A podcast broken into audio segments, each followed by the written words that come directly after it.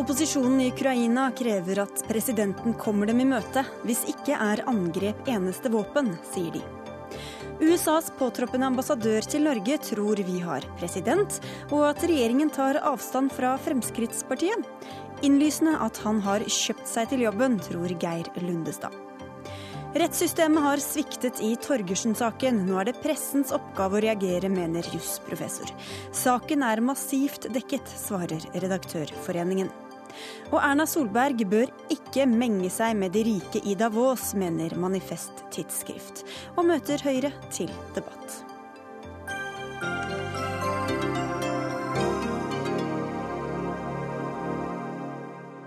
Og det skjer her i Dagsnytt 18 på NRK P2 og NRK2, hvor vi også spør om foreldre bør innlemme barna i sitt eget livssyn.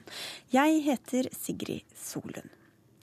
I Ukraina er frontene steile, mens demonstrantene venter på resultater fra møter mellom opposisjonsledere og presidenten. Og møtene skal være ferdige nå klokka 18 norsk tid. Opposisjonen krever at president Janukovitsj skriver ut nyvalg og reverserer et sett omstridte lover som begrenser organisasjonsfriheten. Den sosiale uroen og demonstrasjonene har pågått siden november, og har så langt kostet fem menneskeliv. Russland-korrespondent Hans-Wilhelm Steinfeld, du er i Kiev. Hvordan er situasjonen der nå? Jo, folk eh, samles på Maidan-plassen utenfor vinduene her, men det er veldig kaldt i Kiev, så det er langt færre enn i går. Og ved syvtiden ukrainsk tid, ehm, det er omtrent nå, så venter man at opposisjonslederne snart skal komme og fortelle om de er fornøyd med det utspillet president Janukovitsj har kommet med. Ekstraordinært parlamentsmøte i neste uke, som skal vurdere om regjeringen skal gå av og skiftes ut, om disse lovene som setter veldig strenge regler for demonstrantenes atferd, skal kasseres. Dersom opposisjonen ikke er fornøyd med dette utspillet, er svaret for opposisjonen å angripe. Det betyr oppfordring til generalstreik og med appellen om at folk må reise seg over hele Ukraina, i tillegg til her i Kiev. En folkereisning. Og det er jo det marxistiske uttrykket for en revolusjonær situasjon. Så det er klart at uh, folk er i tvil om hva som vil skje. Ikke alle tror at uh, folkedypet responderer på opposisjonens appeller her på Maidanplassen. Uh, og Janukovitsj har åpenbart i dag prøvd å kjøpe seg tid, selv om han sier at denne voldsomme krisen den må løses så raskt som råd er. I dag har også tidligere president i Sovjetunionen, Mikhail Gorbatsjov, bedt president Obama og president Putin om å megle her i Ukraina for å unngå brodermord. Og Imens er altså også opposisjonsleder Klitsjko oppfordret til våpenstillstand mellom demonstranter og politi. og Har dette blitt opprettholdt? Ja, det har det, og det er jo så lenge dette ultimatumet var fremsatt med 24 timers frist, og det vil løpe ut i kveld. Eh, det har vært en rolig natt og en rolig dag her i Kiev. Det brennes litt bildekk på fronten der folk ble drept eh, for to dager siden. Eh, men i det store og det hele så holder politi og demonstranter seg unna hverandre nå. Det er klart at rent militært kunne, kunne politiet tatt Maidan-plassen for lenge siden, men det aksepteres som et fristed for den kritiske tanke her i Ukraina, og er nærmest som en beleiret krigssone med folk som bor i telt, og de er veldig standhaftige, den harde kjernen av disse demonstrantene. Hans-Wilhelm Steinfeld, du følger utviklingen tett for NRK. Takk for at du var med i Dagsnytt 18. Seniorforsker ved Forsvarets forskningsinstitutt, eh, Tor Bukkvold. Hva er sannsynligheten for at Janukovitsj gir etter for kravene fra opposisjonen? Ja, det, det får vi, vi får jo snart vite hva som har skjedd. da.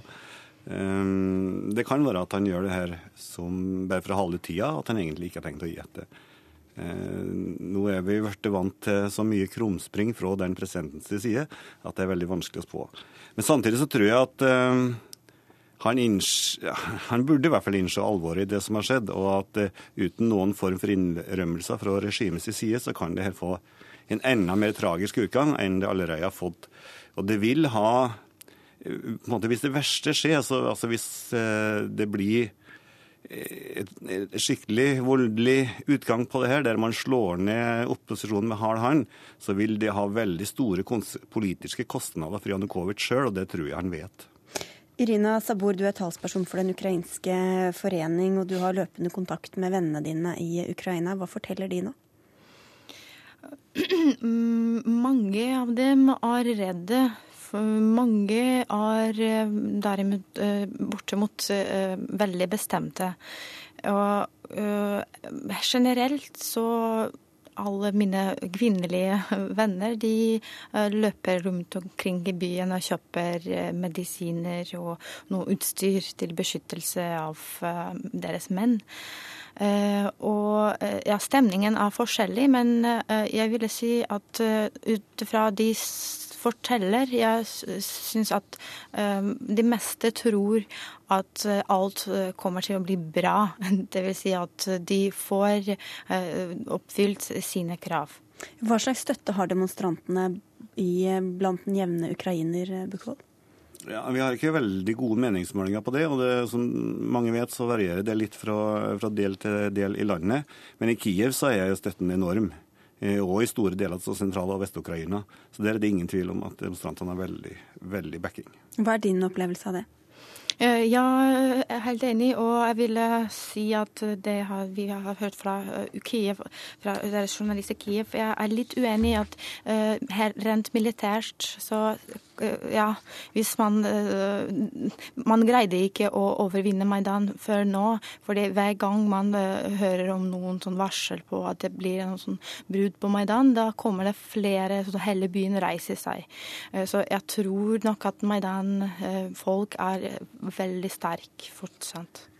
Eh, utenriksminister Børge Brende, du er med oss fra World Economic Forum i Davos i Sveits. Der er også denne konflikten et hett eh, samtaleemne. Og Hva sier eh, statslederne i Davos om det som skjer? Alle ser på situasjonen som svært alvorlig, og kontrasten kunne ikke vært større enn til oransje revolusjon som skjedde for ti år siden, der det ikke ble knust et vindu engang i Kievs gata. Nå er det fem døde, 300 skadd. Dette har pågått over to måneder.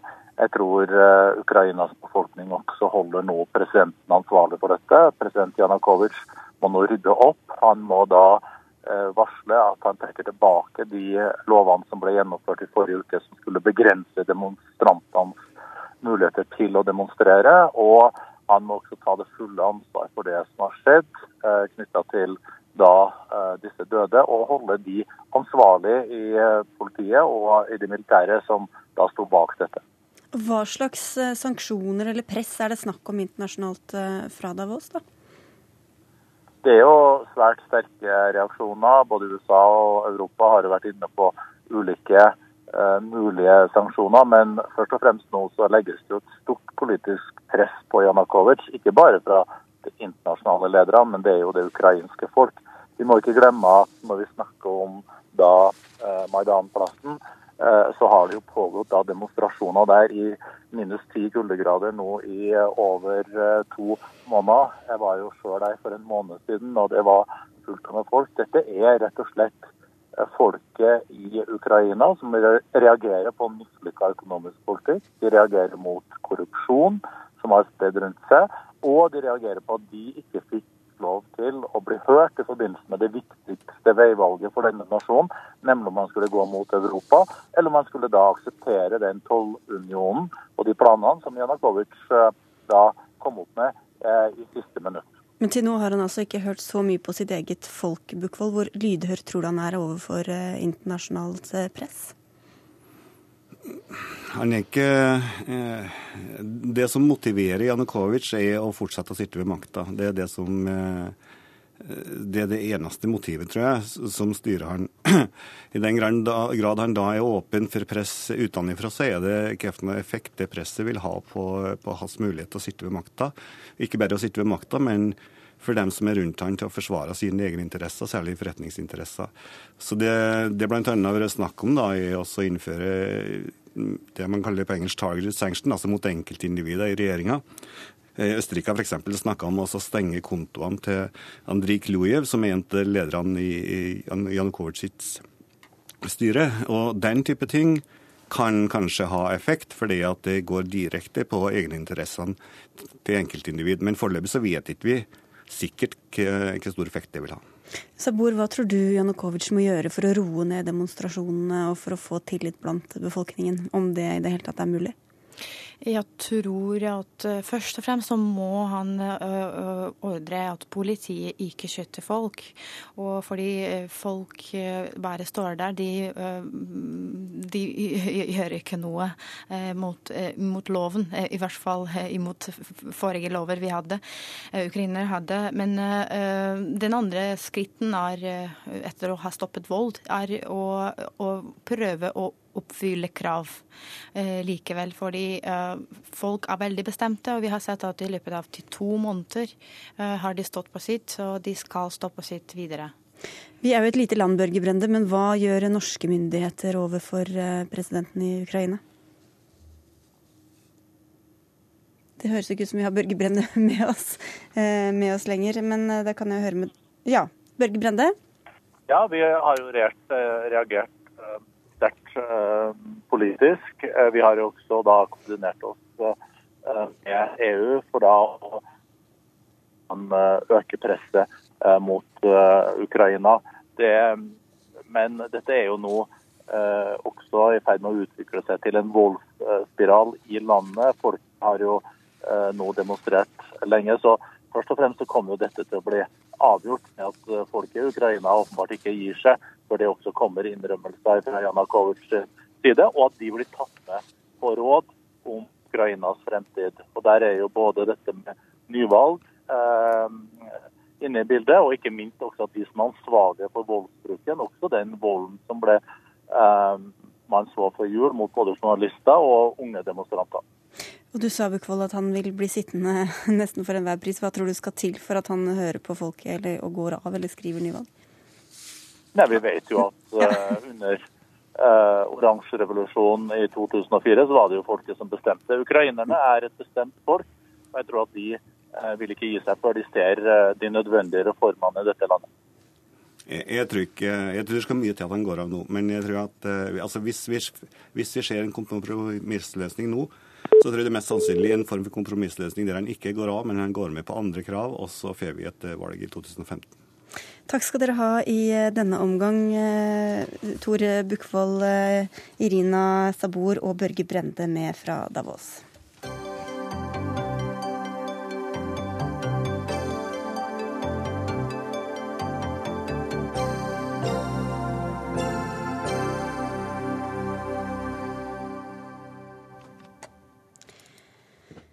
Saken om eh, Fredrik Fassing Torgersen har vært en eh, føljetong i eh, domstolene og i pressen. I 1958 ble han dømt for drapet på Rigmor Johansen.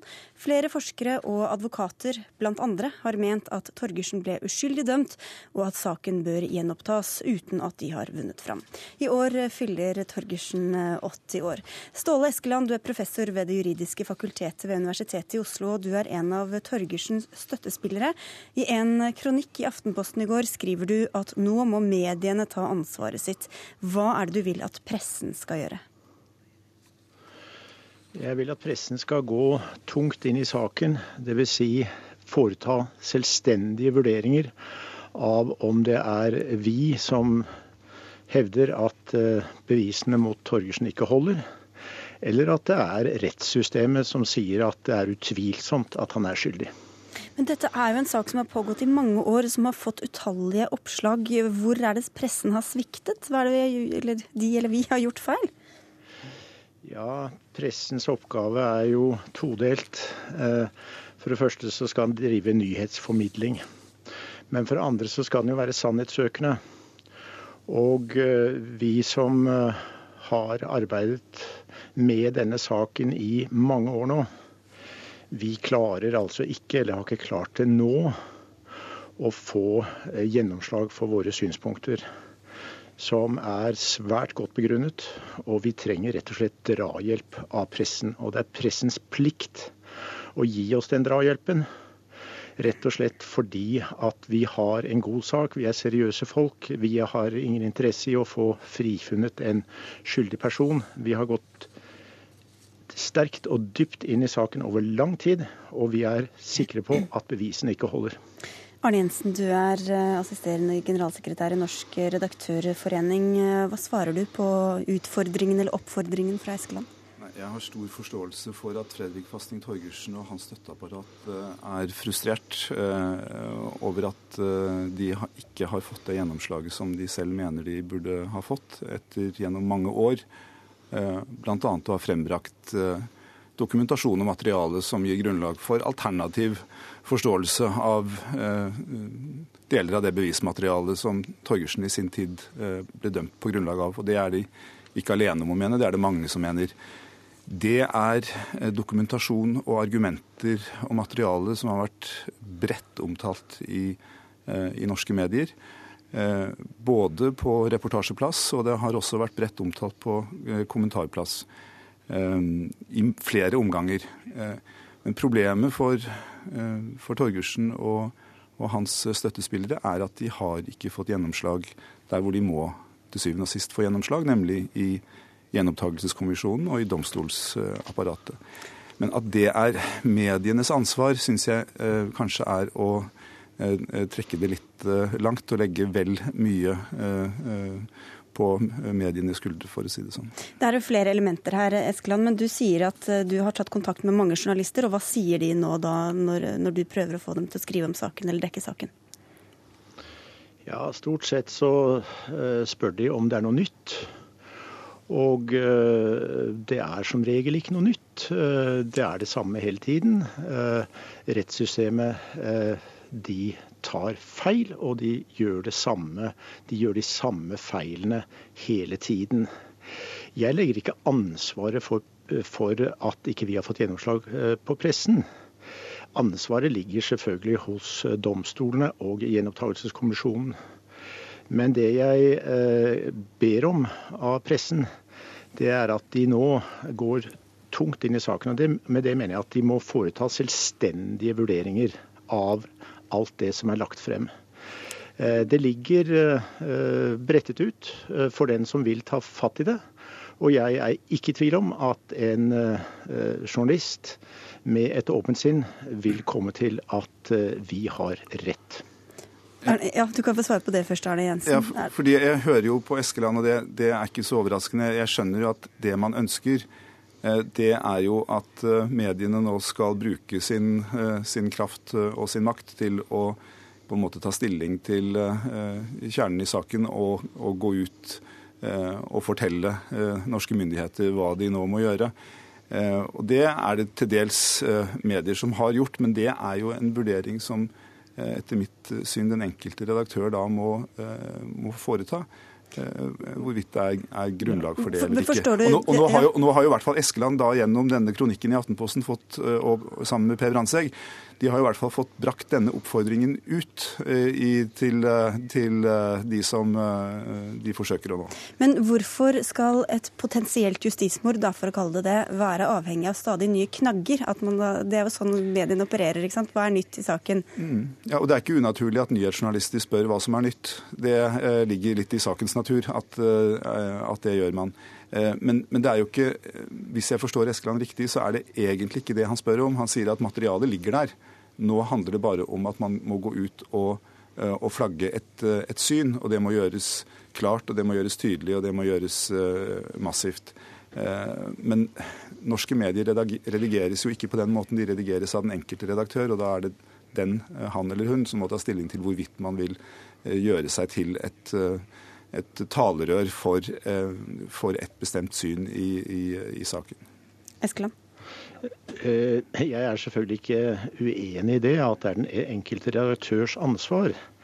Jeg er veldig takknemlig for at eh, Aftenposten tok inn denne kronikken. Fordi det betyr et første skritt i riktig retning.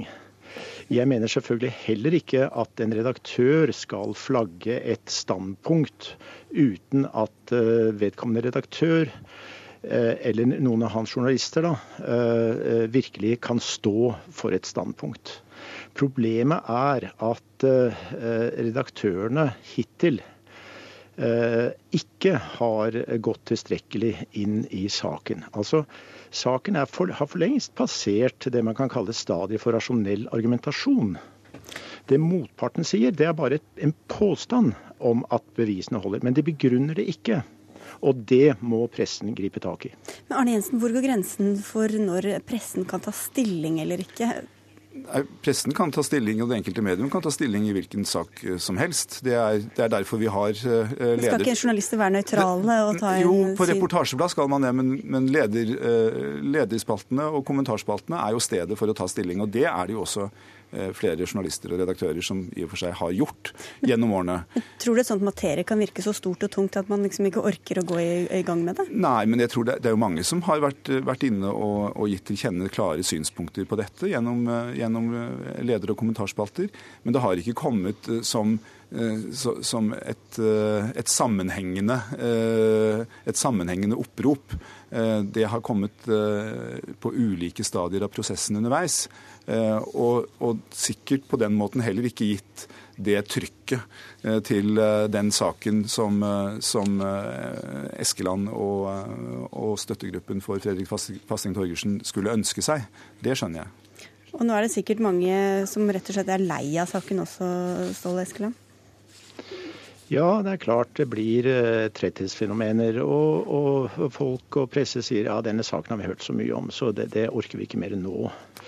Eh, det virker faktisk som, eh, som Arne Jensen og jeg er ganske enige eh, i prinsippet at, at, pressen skal ta standpunkt hvis den mener at den har tilstrekkelig grunnlag for det. Og det vi sier, det er vi kan skaffe dere grunnlag for å ta standpunkt. Vi står til disposisjon. Vi er overhodet ikke redd for utfallet av det. Pressen står helt fritt, og nå må den gjøre noe så tungt og så sterkt at systemet blir presset, for det er det som trengs, til å uh, få gjenopptatt saken. Og nå har vi ingen fra statsadvokaten eller den, den siden til å, til å, svare, så vi får bare la det bli med den oppfordringen. Takk skal dere ha for at dere var med i Dagsnytt 18, Arne Jensen og Ståle Eskeland.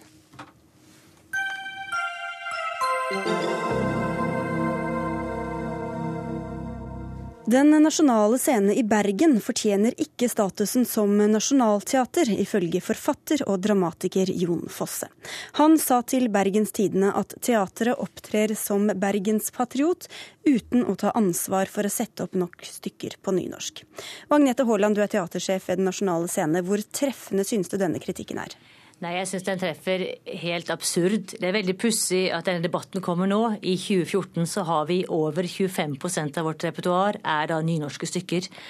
Så vi har veldig god samvittighet i forhold til å ivareta det språklige mangfoldet som er i denne delen av landet i 2014. Og så har statistikken sett litt dårligere ut tidligere, men du sier altså at du har ønsket å finne det rette stoffet. og Hvilken type stykker har du da lett etter for å sette opp på nynorsk? Nei, alle stykker kan selvsagt spilles på alle målfører. Jeg har et repertoar og jeg har et ensemble, og vi prøver å finne gode historier som angår Vestlandet, og som angår det publikum som kommer og ser våre forestillinger. Jeg synes Det er en veldig viktig debatt, dette her, eh, men det er underlig å våkne opp i dag morges og lese Bergens Tidende kalle meg for en mygg, og at, eh, at Hille Sandvik for en time siden i Kulturene sa at vi måtte sette opp porno på nynorsk. Jeg synes det, det er ikke det dette her handler om. Nå foregriper du debatten litt her, Hilde Sandvik. Det er altså du som sto for myggekarakteristikken. Mm. Du er kultur- og debattredaktør i Bergens Tidende, og hva fikk deg til å gripe til sånne ord? Eh, det var ikke fordi at Agnete Haaland er en mygg, men hun gjorde seg sjøl veldig liten i svaret til Jon Fosse. Ikke fordi at hun ikke er sin fulle rett til å sette opp hva repertoar hun vil. Men så går hun altså løs på å snakke om synet sitt på nynorsk. Eh, hun sier at hun har leita etter, altså etter stykker som kan passe til et landskap som kan passe det nynorske. Eh, nevner bl.a. Ronja Røverdatter. Eh, hun har tidligere i dag sagt at hun satte opp et stykke fra den irske landsbygd, og det passet på nynorsk. Hun legger altså til grunn en helt antikvarisk holdning til det nynorske, som er veldig pussig å høre fra en teatersjef i Vest Vestlandets hovedstad, i nynorskens store kjerneområde. Hva slags assosiasjoner får du til det? Jeg, tenk, jeg, trodde helt ærlig at dette var et syn på det nynorske som hadde avgått ved døden for lenge siden. Altså et, et, et, syn på nynorsk som enten som noe som passer til strilekulturen, eller som noe som passer til lyrikk. haikudikt Haiku-dikt kan skrives på nynorsk, eller lyriske, lyriske Ronja Røverdatters eh, i, i Britt Bildøens eh, tolking kan, kan, fint være på DNS. Men så sier hun òg i dag at et stykke f.eks. Ifra, fra, altså ifra borgerskapet, da passer det altså best på, nynorsk, nei, på bokmål. Og det, det tenker jeg altså i stedet for å utfordre et antikvarisk foreldre, foreldresyn på det nynorske, så burde kanskje da Agnete Haaland ha sett litt og hørt på hva det Jon Fosse sier. Um, og jeg lurer på om, om hun mener at Jon Fosse her ikke har noen poenger. Du får gi ordet til hun som sitter ved siden av deg. Jeg er veldig ensom her i studio på Marienlyst. Agnete Haaland? Jeg er jo genuint opptatt av nynorsk og det språklige mangfoldet som vi har i Norge. Og det har scenen den nasjonale scenen et ansvar for å gjenspeile og bruke. Og jeg skjønner ikke helt dette antikvariske synet som jeg nå tillegges. Selvsagt kan nynorsk gjenspeiles enhver virkelighet og brukes i enhver sammenheng, men vi har den dramatikken vi har, og vi velger ut ifra de skuespillerne vi har, det repertoaret som vi skal spille. Og jeg synes jo at 25% av stykkene på nynorsk er et veldig bra prosentandel. Det Fosse går ut med, er at han mener vi skal miste nasjonalteaterstatusen fordi vi ikke gjør mer på nynorsk. Jeg må jo si at Kulturdepartementet senest i går bekreftet i en pressemelding at DNS oppfyller alle kriterier som skal til for å fylle vårt samfunnsoppdrag og være et nasjonalt teater. Men hva er det som gjør at du velger at noen stykker skal spilles eller settes opp på nynorsk og noen på bergensdialekt eller uh, ja, det, har, det har jo veldig mye med hvilke skuespillere som skal være med. Vi har f.eks. Hellemyrsfolket som skal spilles en musikal til høsten. Det er jo en blanding av både nynorsk og ulike bergenske dialekter og nynorske varianter og, og ulike vestlandske dialekter. Frode Grytten han har skrevet et fantastisk stykke som skal opp til Festspillene. Det ble jo opprinnelig det beskrevet på nynorsk. Alle sceneavvisningene er på nynorsk. Handlingene foregår i Loddefjord, og da er det nærliggende at de som bor der, faktisk snakker bergensk, eller en variant av en bergensk sosiolekt. Ja, Hvorfor skal man ikke ta hensyn til det, Hilde Sandvik? Hva de skuespillerne klarer og ikke klarer? Jo, men altså, Jeg mener at det bør ligge i enhver skuespillers stillingsinstruks å kunne eh, bruke både dialekter og snakke ulikt eh, på scenen. Det er vel en av grunnene til at de er skuespillere. Men men jeg tenker her altså Agnete Haaland har tidligere også snakket om dette bergenske ansvaret, som er vel og bra, og som er vesentlig og viktig. Bergensk har alltid vært et teaterspråk på DNS. Men DNS har altså en tendens til, og det er òg Jon Fosse sitt poeng i dag, til å dyrke den erkebergenske bypatriotismen, ja, som er vel og bra for, for bergensere, og de elsker den. Fordi det òg opphøyer bergenseren på sett og vis, og over, over Strilandet, over og det nynorske. og I stedet for å bygge opp under en sånn forestilling, så tenker jeg kanskje DNS kunne ha nettopp vært med på å dempe det. Og hvis en ser altså, altså Bergen har som Vestlandets hovedstad et, et, en særlig posisjon, en særlig plass. Det, det, vestlandske og det nynorske har alltid hatt spilt en viktig del av identiteten på, på, i, i, dette området her. Eh, og det å på et vis velge det vekk, eller leite etter unnskyldninger for å spille nynorsk, syns jeg høres veldig pussig ut. Altså, Vi har jo aldri noensinne lett etter en unnskyldning for å spille nynorsk. Tvert imot. Vi har virkelig vært opptatt av å også bruke nynorsk på scenen. Og hvis man kommer på nasjonale scener i dag og går og hører på de ulike forestillingene, så vil man høre en bredt, bredt spekter av veldig mange vestlandske dialekter og andre dialekter på scenen. Det var null prosent i fjor. Og det er interessant altså, hvor mange eh, stykker blir oversatt. Jon Fosse han har blitt bedt om å oversette ett stykke til, til DNS i sin tid, og det, da ble han bedt om å oversette det til bokmål. I fjor så hadde vi faktisk bestillingsverk både for Maria Tytti Vennerød, Olaug Nilsen og Mari Marit Tusvik og Cecilie Løveid. Marit Tusvik valgte å skrive på bokmål, og Cecilie Løveid skriver på bokmål. Men verken Så vi har virkelig vært opptatt av å ta tak i gode historier, og det er mitt kjernepoeng her. Det vi skal gjøre, er å skape et relevant repertoar som virkelig kan ta tak i samfunnet, og som kan fenge publikum. Jeg tror jeg må gripe inn mens dere trekker pusten, for vi har ikke mer tid. Men takk skal dere ha for at dere var med i Dagsnytt 18, Hilde Sandvik og Agnete Haaland.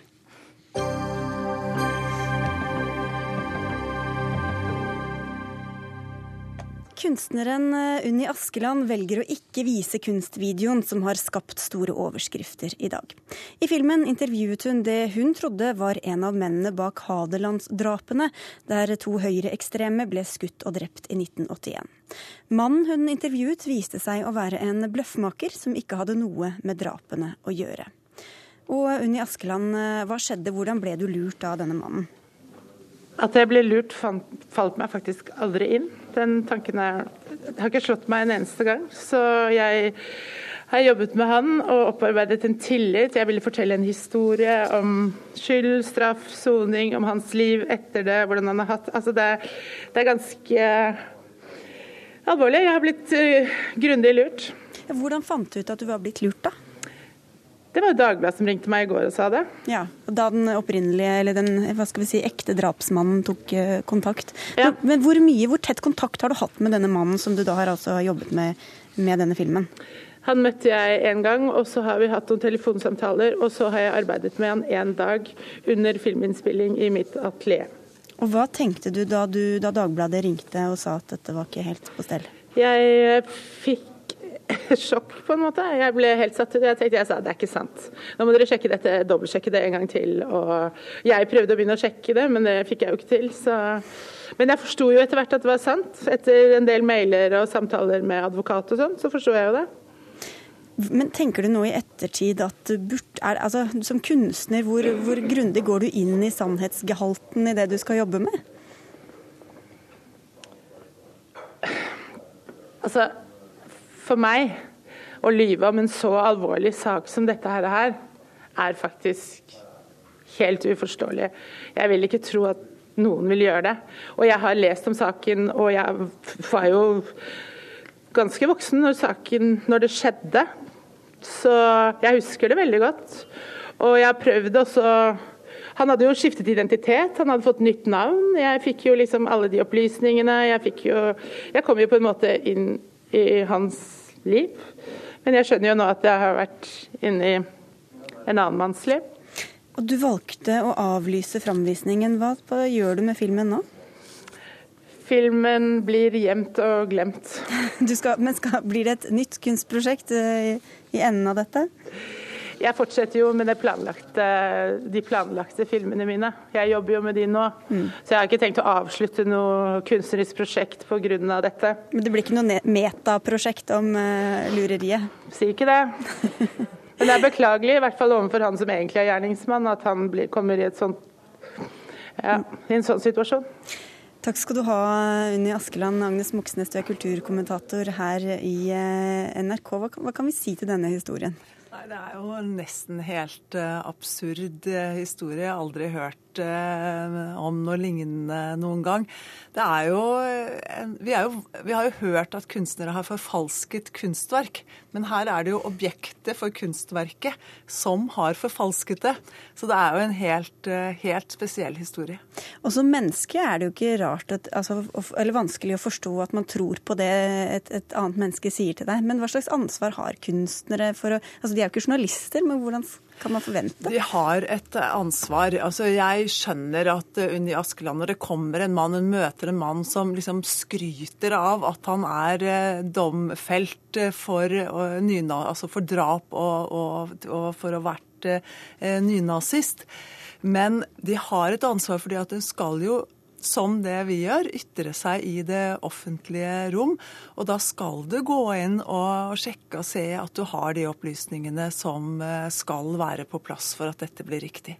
Og som journalist er jo det noe man lærer både på skole og i arbeidet. Men hvordan står det til med den bevisstheten blant kunstnere flest, tror du? Det er, altså kultur, Kunsthøgskolen i Oslo har fått etisk undervisning i etiske problemstillinger og utfordringer de siste årene. Fordi kunsten er på mange måter eh, mye mer aktivt med i samfunnsdebatten. Vi hadde et tilfelle i Sverige for noen år siden hvor en kunstner eh, ga seg ut for å være psykisk syk, og gikk oppsøkte en lege og ble lagt inn og filmet det hele og presenterte det som et kunstverk. Og Da ble jo selvfølgelig denne legen rasende, eh, for han følte seg eh, absolutt utnyttet av denne kunstneren. Og I forlengelsen av det så er det nå etiske retningslinjer som det undervises i på Kunsthøgskolen. Men tror du dette er noe som ligger langt framme i bevisstheten hos kunstnere flest? Absolutt ikke, og dette er jo et eksempel på det. Altså, det er all grunn til å tro Unni Askeland når hun sier at hun er veldig, veldig lei seg for eh, det som har skjedd her.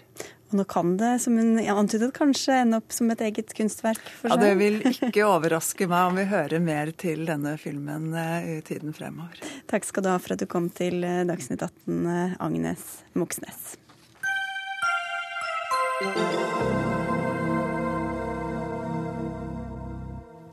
For det er også andre som har tråkket i salaten. Nemlig USAs påtroppende ambassadør til Norge, George James Tunis, da han skulle overbevise det amerikanske senatet om at han var rett mann for jobben sist uke. Under høringa der kom han i skade for å gjøre det norske kongedømmet til republikk, da han forsnakket seg og viste til et møte mellom den tidligere norske og den russiske presidenten.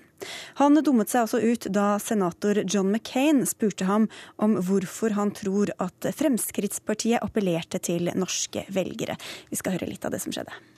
Generally, Norway has and is very proud of being a very open, transparent democratic parliamentary government. One of the byproducts of being such an open society and placing such a value on free speech is that you get some fringe elements that uh, have a microphone, that uh, spew their hatred. Uh, and although I will tell you, Norway has been very quick to uh, denounce um, them um, government has denounced them. They're part of the coalition of the government. Well, I would say, you know what? I, I, doubt I, I stand correct. I stand they, corrected. Um, the um, I stand corrected. I have no more questions for this incredibly highly qualified group of nominees. En noe ironisk senator McCain her til slutt, etter at altså Tsuni sa at den norske regjeringen tar avstand fra det hatefulle partiet Frp. Og Geir Lundestad, du er ekspert på amerikansk historie og politikk. Denne mannen har altså aldri satt sine føtter i Norge og virker ikke helt eh, oppdatert. Hvorfor får han da den jobben som eh, ambassadør? Jo, eh, Ca. 30% av USAs ambassadører rundt om i verden er politisk oppnevnt. Og eh, i de populære deler av verden der mange vil være ambassadør, sånn som Europa, der er det opp i en 70 eh, Så det, de har høyst forskjellige kvalifikasjoner. De aller fleste av dem har jo bidratt eh, til kampanjen. Og denne karen, alt er jo tilgjengelig av informasjon i Amerika, han har tilsynelatende da betalt 80 000 dollar helt av egen lomme til valgkampen i 2012, og bidratt til å samle inn 1 million dollar til Obamas kampanje. Det er nok. Hvis du betaler så mye, så kan du regne med nesten, hvis du er veldig interessert, eh, at du får en ambassadørpost i Europa. Eh, og det er klart, dette, Sånn har det vært eh, nær sagt fra tidenes morgen. Og det er jo gått sport i dette. Det er jo klart Karrierebyråkratene som ikke får jobbene, de henger jo ut av disse folkene etter at eh, de har gått av da sjøl.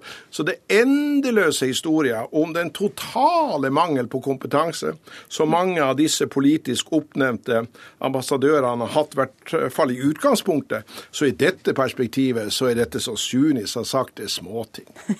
Men er, gjelder det alle land? Kan man kjøpe seg til ambassadørstillinger overalt i verden?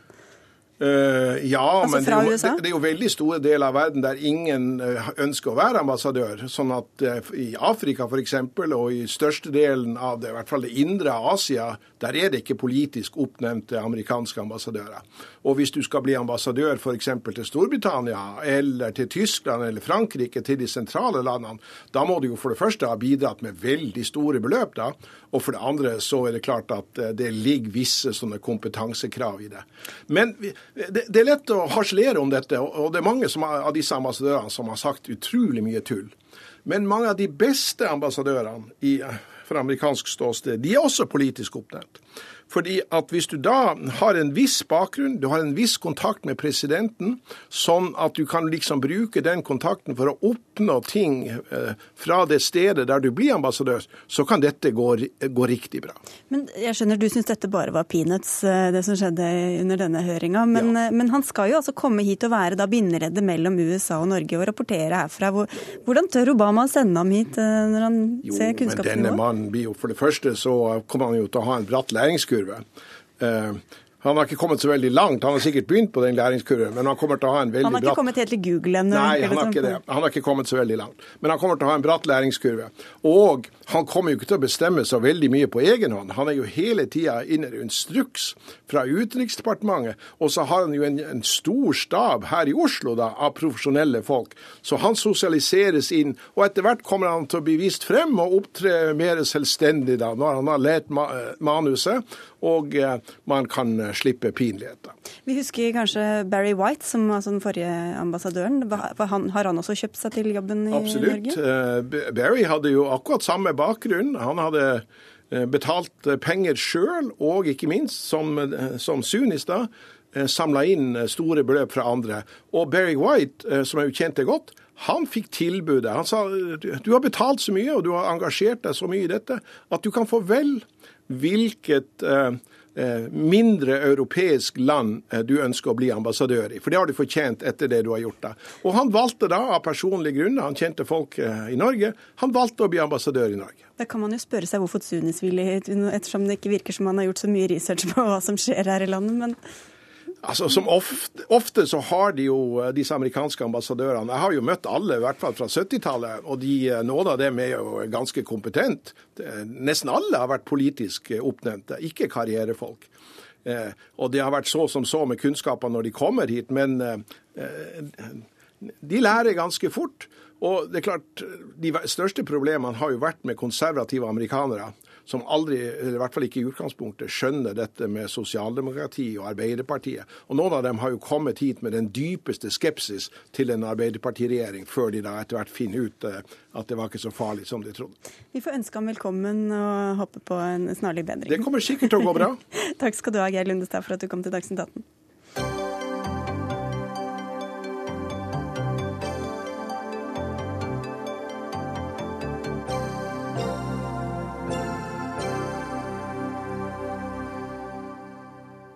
Akkurat nå er statsminister Erna Solberg og flere av statsrådene hennes, bl.a. Børge Brende, som vi hadde med tidligere i sendinga, i Davos på Verdens økonomiske forum. Sammen med topper fra politikk og næringsliv fra mange land. Og det er betenkelig at norske folkevalgte deltar der. Det mener du, Mimir Kristiansson, du er redaktør i Manifest Tidsskrift. Hvorfor er det betenkelig? Så dette er en bitte liten rikmannsklubb eh, der noen veldig rike mennesker møter noen folkevalgte og skal diskutere hvordan man skal eh, endre verden framover, og ikke minst hva man skal gjøre for å løse finanskrisen, for å gjøre noe med global ulikhet osv.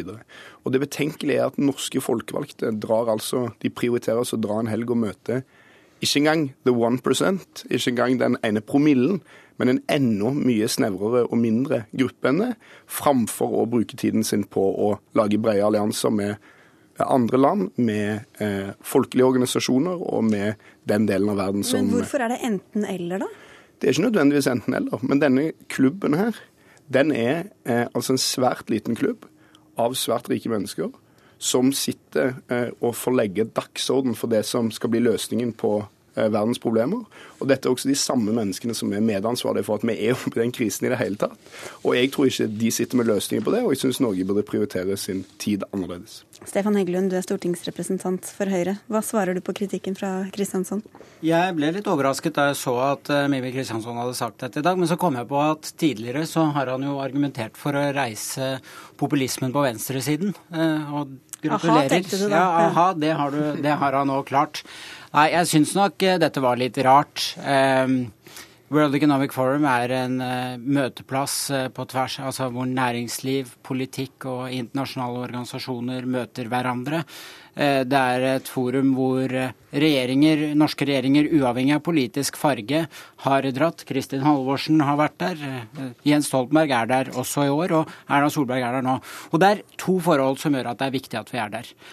Det ene er at Norge er en del av en global, global verden. Det kan man like eller ikke like, men det er sånn det er. Og vi står overfor en del utfordringer. F.eks. så er 73 millioner unge mellom 15 og 24 år på verdensbasis arbeidsledige. Som del av en global verden så er vi avhengig i Norge av at andre land gjør det bra, for at også vi skal gjøre det bra. Og Så er det det andre som er en viktig grunn til at vi er der. Og det er jo det budskapet vår statsminister faktisk har dratt til Davos med, nemlig tusenårsmålene, nemlig å sette søkelys på jenters rett til utdanning. Det snakket hun bl.a. med Ban Ki-moon om i dag. Mhm. Og jeg syns det er veldig rart at Mimir mener at eh, hun burde vært hjemme istedenfor å gjøre det. Altså det jeg mener, For det første la meg bare gi Stefan Heggelund rett i én ting. Altså, I mine øyne som en venstresidemann så var det jo enda verre når Kristin Halvorsen og Jens Stoltenberg var der. Så det er ingen formildende omstendighet, eh, syns jeg. Men når det er sagt, så vi er altså oppe i en situasjon der ulikheten i verden er utrolig dramatisk. 85 rikeste i verden eier like mye som den 3,5 milliard fattigste delen av eh, de 3,5 milliard fattigste. Hvorfor skal han ikke da kunne snakke til de rikeste? Spørsmålet er hvilke som skal legge premissene for det som skjer videre. Og da er det altså sånn at Vi kan drive et internasjonalt samarbeid som består i at vi smisker med fiffen, drar til Davos, prøver å smigre de, fortelle de noe, gir et eller annet budskap til de. Men dette er jo langt ifra noe av det viktigste internasjonale fora Norge deltar i. Og selvfølgelig bør vi heller prioritere våre folkevalgte. Bør framfor prioritere å snakke med næringslivsledere og de aller rikeste i verden, prioritere å snakke med verdens befolkning. Men da må jeg bare spørre deg, fordi Du sa jo du gjerne gladelig ville betale billetten til Erna Solberg til Sotsji, altså til OL der. Hvorfor er det viktigere at hun skal bruke tid der borte, eh, enn at hun skal snakke om kvinners eller jenters rett til utdanning i Davos? Det jeg mener om Sotsji, som er for så vidt en helt annen sak, er at den norske statsministeren Det er med hva hun bruker tida si på, da. Ja, men det er om Den norske statsministeren bør ikke boikotte OL. Eh, det mener jeg. Eh, og sånn bør det være uansett hvor OL er. Men så hvis de arrangerer OL i Davos, så skal jeg gjerne betale Erna Solberg sin billett til Davos. Det blir dyrt det her for deg etter hvert. Ja, hun bør heller ikke boikotte et utrolig viktig forum der man faktisk diskuterer løsninger på disse problemene. Men hvem sine løsninger da, ja, det, Stefan Heggelund? Nei, men ikke sant. Du sa på altså, en artikkel på nrk.no i dag at du tror ikke på noen konspirasjon. Og etterpå så argumenterte du om disse menneskene som er på World Economic Forum, som en eller annen skribent på Nyhetsspeilet gjør om Bilderberger-gruppen. Eh, jo, det gjorde du. Altså, eh, Poenget her er at her er næringsliv, politikk, internasjonale organisasjoner møtes for å diskutere viktige problemstillinger. Jeg må innrømme at hva er alternativet? Altså, alt, Jeg skjønner ikke hva alternativet til Mimir er. Eh, du sa, programleder, at vi, flere statsråder er her. En av dem er Vidar Helgesen. Han har møte med EU-kommissærer, mennesker fra andre EU-land. Alternativet er jo at Erna Solberg, Vidar Helgesen og Børge Brende eh, bruker titusenvis av kroner og mye mer tid på å reise. Selv om de er der på deres premisser, altså på hva skal vi si, de rikes premisser? da? Ja, men Det er jo ikke, altså det blir litt sånn rart det blir, Nei, det blir veldig rart å si det.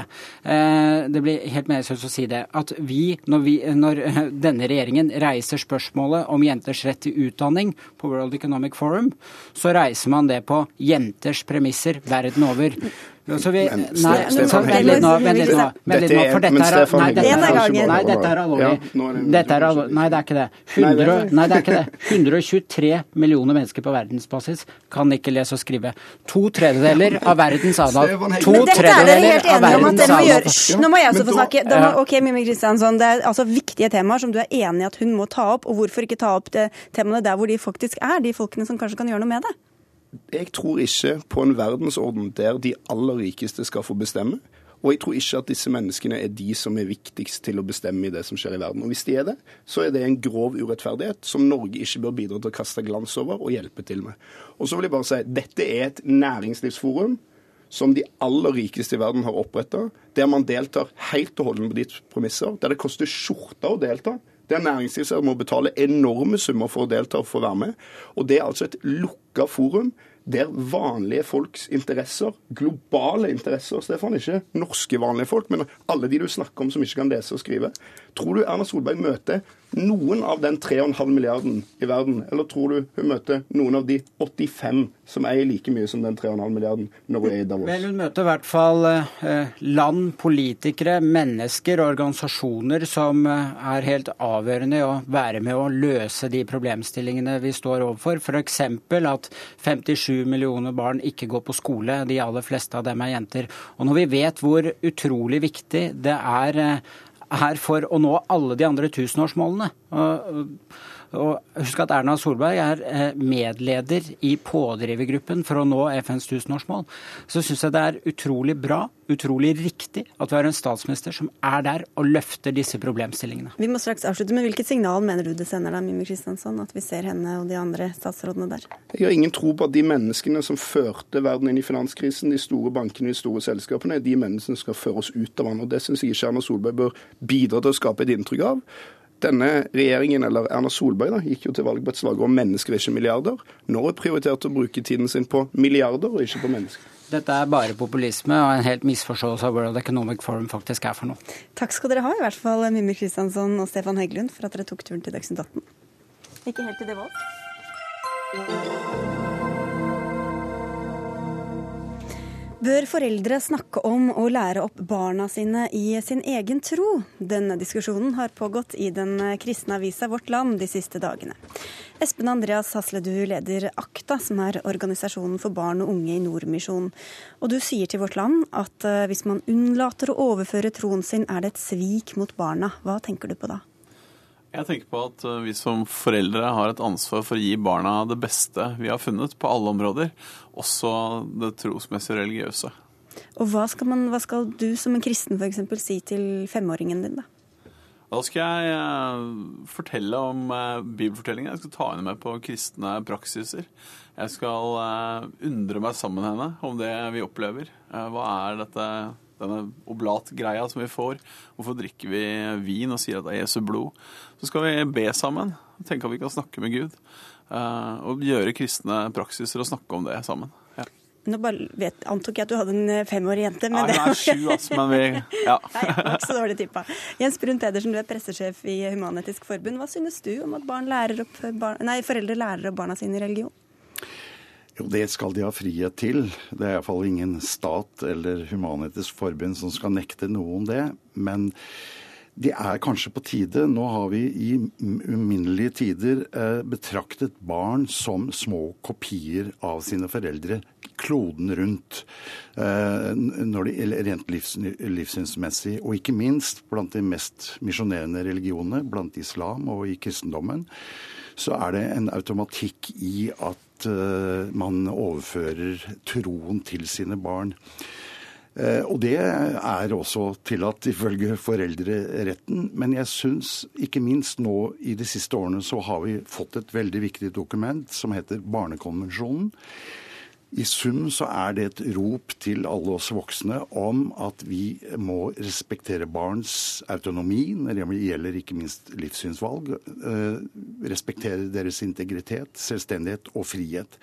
Og da bør vi iallfall ta debatten om kanskje vi foreldre bør være litt mer tilbakeholdne, enten vi er sekulære eller religiøse, med å overføre sannheter til våre barn, og heller la de få Eh, ta den avgjørelsen i moden alder.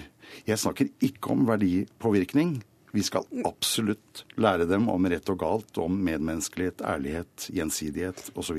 Men det han snakker om da, å ta oblat og be sammen, gå i kirken, er det jeg skjønner at ikke du vil fordømme hans gjerninger, men er det noe du mener er å gå over streken, eller legge et utilbørlig press på Det er iallfall noe som jeg skulle ønske at vi moderne foreldre begynner å tenke litt om.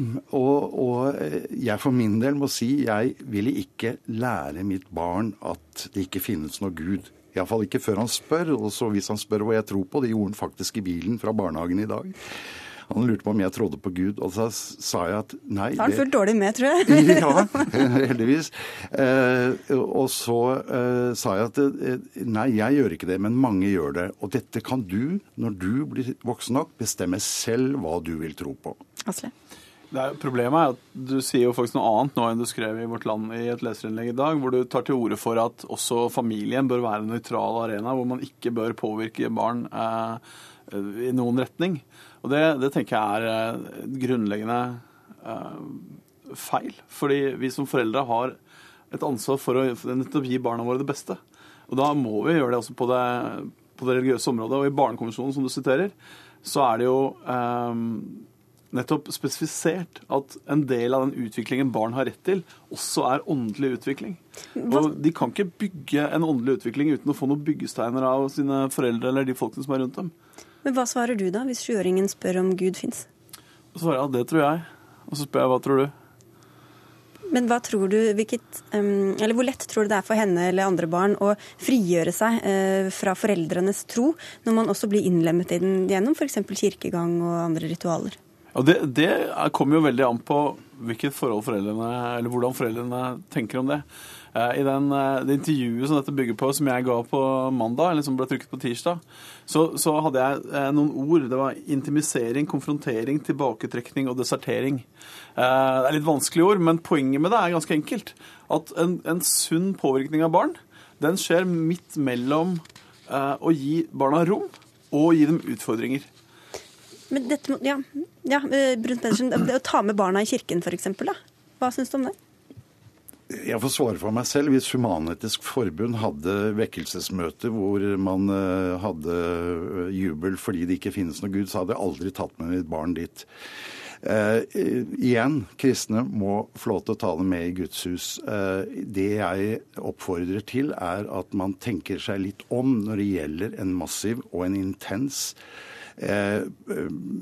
overtalelse om at de bør forstå at den kristne guden er sannheten, veien og livet, eller islam. Eh, muslimer eh, bør også være litt tilbakeholdne med å si at de har funnet sannheten.